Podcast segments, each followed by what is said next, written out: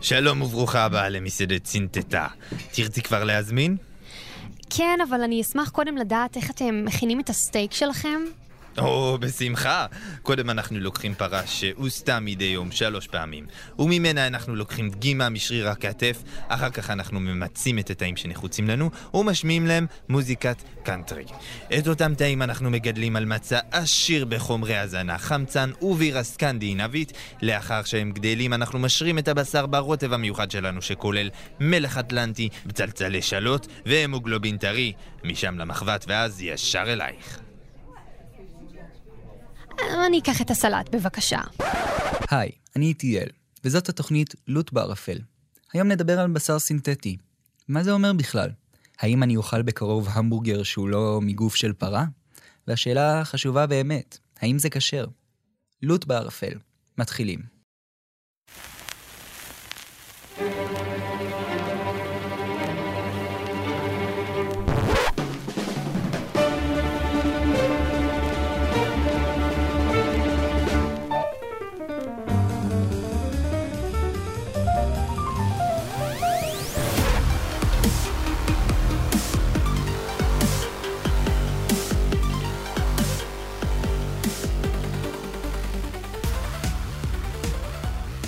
היי, כאן איטיאל.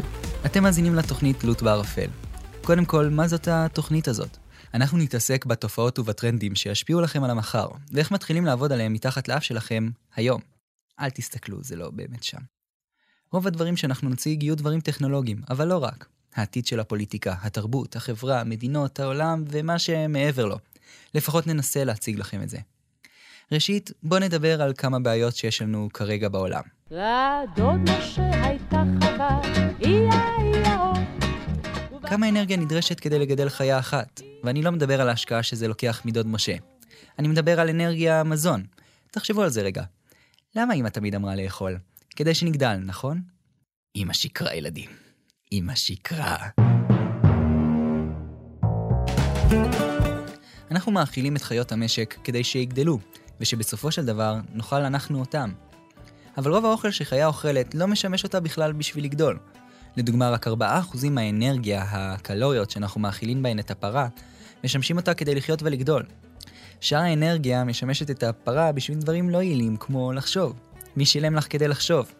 96% מכל ההשקעה שאנחנו משקיעים בפרה, האוכל שאנחנו מאכילים את החיה, הולך לפח. וכמה חיות אתם חושבים שיש בעולם? בואו נתחיל בתרנגולים. כמה תרנגולים אתם חושבים שיש בעולם? יותר ממיליארד? יותר מכמות בני האדם שיש בעולם? ומה אם אני אגיד לכם שיותר? ואם לא רק זה, אם אני אגיד לכם שכמות התרנגולים שיש בעולם כפולה בערך פי שלושה מכמות האנשים שחיים פה על הגלובוס היפה שלנו. לפי ארגון המזון והחקלאות של האו"ם, מסתבר שיש ארגון כזה, ישנם 24 מיליארד תרנגולים. פרות? ישנן מיליארד וחצי. עשרת היונקים הנפוצים ביותר על כדור הארץ, כולם חיות מתורבתות, שאנחנו גידלנו. ולא דיברנו על השטח שכל הדבר הזה לוקח.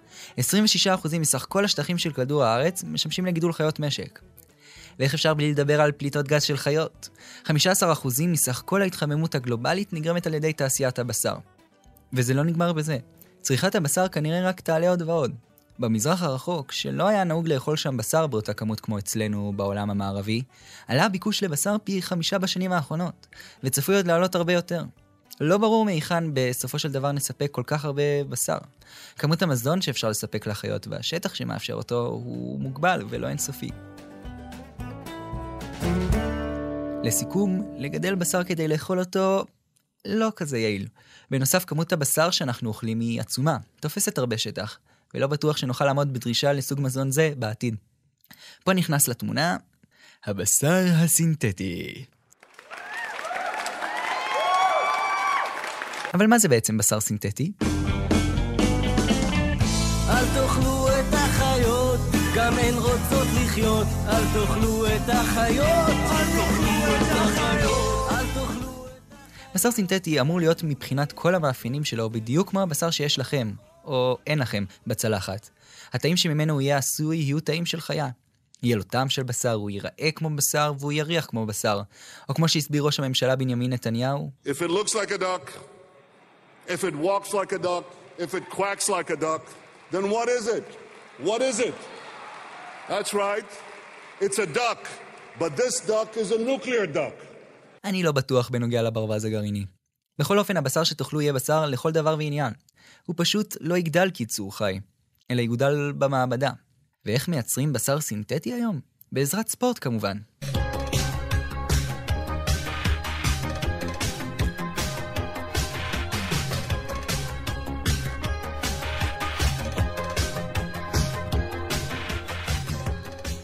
כשאנחנו משתמשים בשרירים שלנו ועושים ספורט, השרירים כמובן מתאמצים, אבל בנוסף הם גם נקרעים קצת. כן, כן, השרירים שלנו נהרסים בכל פעם שאנחנו מתאמנים.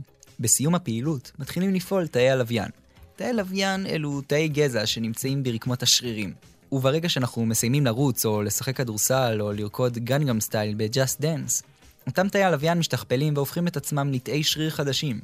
כך בעצם אנחנו מפתחים שרירים. אנחנו הורסים את השרירים שלנו כדי שתאי הלוויין יבנו אותם מחדש, והפעם בצורה טובה יותר וגדולה יותר.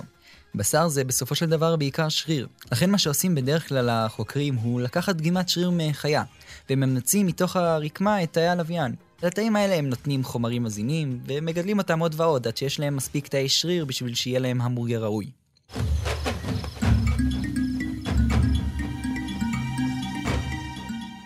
האם זה יפתור את כל הבעיות שהוצגו לפני? יש שטוענים שאם נחליף את הבשר שאנחנו אוכלים בבשר סינתטי, הדבר יתרום מאוד לאיכות הסביבה, ויהיה יעיל יותר בניצול המשאבים. זוכרים, רק 4% מהאנרגיה שמושקעת בפרה מנוצלים בסופו של דבר ליצירת הבשר עצמו. אבל יש אחרים שטוענים שבשר סינתטי לא ממש יעזור לכל הבעיות שהצגנו. יש מדענים שטוענים שכמות האנרגיה שתידרש בשביל ליצור את התאים האלה תהיה גבוהה הרבה יותר משלוקח לפרה לגדל אותם בעצמה. בנוסף, המעבר משדה מרעה למפעל שדורש דלק כדי לפעול, יהפוך למזהם הרבה יותר בהשוואה. אז יש או אין כבר בשר סינתטי? התשובה היא יש ואין. את הבשר הסינתטי כבר פיתחו ברמה מסוימת. זאת אומרת, כבר היום במחיר די יקר אפשר לגדל במעבדה תאים של בשר. ואפילו ב-2013 כבר הוכן ההמבורגר הסינתטי הראשון. זה מה שחשבו עליו מי שטעמו אותו. Now the world's first lab-grown cultured beef burger. Well, here's a little bit of reaction. This is the food critic Hanny Rutzler after tasting it. I was expecting the, the texture to be more soft. And I know there's no fat in it, so I didn't really know how it's how juicy it will be. It's not that juicy. כמו ששמעתם, בהמבורגר הזה לא ממש היה שומן. נכון, אנחנו יכולים ליצור תאי שריר כדי ליצור בשר. אבל בשר זה לא רק תאי השריר. בשביל ליצור בשר באמת, אנחנו צריכים לדעת איך ליצור שריר. שריר שלם. ואת זה אנחנו עוד לא יודעים. שריר שלם זה לא רק תא ועוד תא. בנוסף לתאי שריר צריך גם תאי שומן, דם, צריך לחבר את התאים במבנה הנכון כדי שיהפכו ביחד לשריר. וזו טכנולוגיה שאינה קיימת עוד. לכן כרגע אפשר ליצור רק המבורגרים ונקניקיות, בשר מעובד. אבל אין לנו עוד את האופציה ליצור בשר שריר שלם. חוץ מזה יש גם את uh, עניין מחיר העלות. לדוגמה, עלות ההמבורגר ששמענו עליו לפני כן, הייתה 215 אלף יורו. עיקר העלות היא כתוצאה מהחומרים המזינים שניתנים לתאים, שצריכים להיות מוחלפים פעמים רבות עד לסיום התהליך. אך מאז המחקר התקדם, ובעזרת גם כמה חברות ישראליות, המחיר ירד רק למאות דולרים.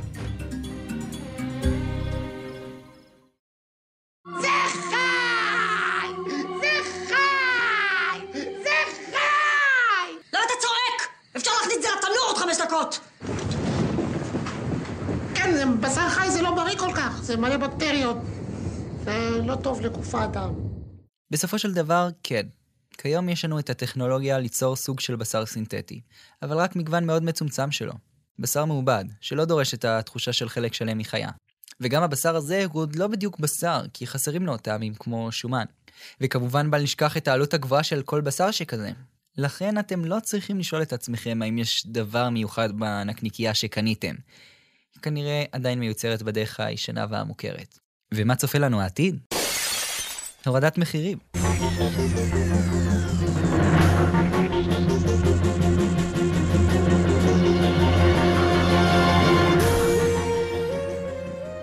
כמו כל טכנולוגיה אחרת, העלות בסופו של דבר תרד. וגם לחוסר בתאים נוספים בבשר, בנוסף לתאי השריר, יימצא פתרון. אולי בדמות תחליפים מסוגים שונים, עד שתימצא דרך לשכפל גם את התאים הללו. ישנן חברות שמצהירות שבשנת 2021 הן כבר ישווקו המבורגרים במחירים דומים למחירים של המבורגרים רגילים, וכך לכולנו, המצפון יורד יותר חלק בגרון. אגב, בארגון אנימלס, או בשם הישן שלו אנונימוס לזכויות בעלי חיים, מעלים את הבעיה המוסרית שהבשר שנלקח מהפרה נלקח בלי רשותה, ולכן מציגים את האפשרות שהבשר שממנו תילקח הדגימה ושממנה יתפתח הבשר הסינתטי הוא אתם. הם מציעים לפתח בשר אדם סינתטי. בתיאבון,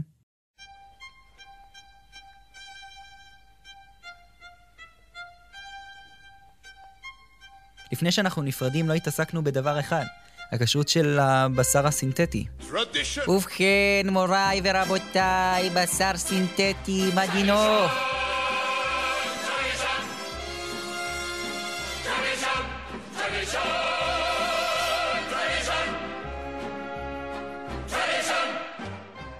לפי רוב הפוסקים שדנו עד כה במקרה זה, ואני ממליץ למי שחשוב לו ומעניין אותו שיקרא על הנושא, דינו כשר.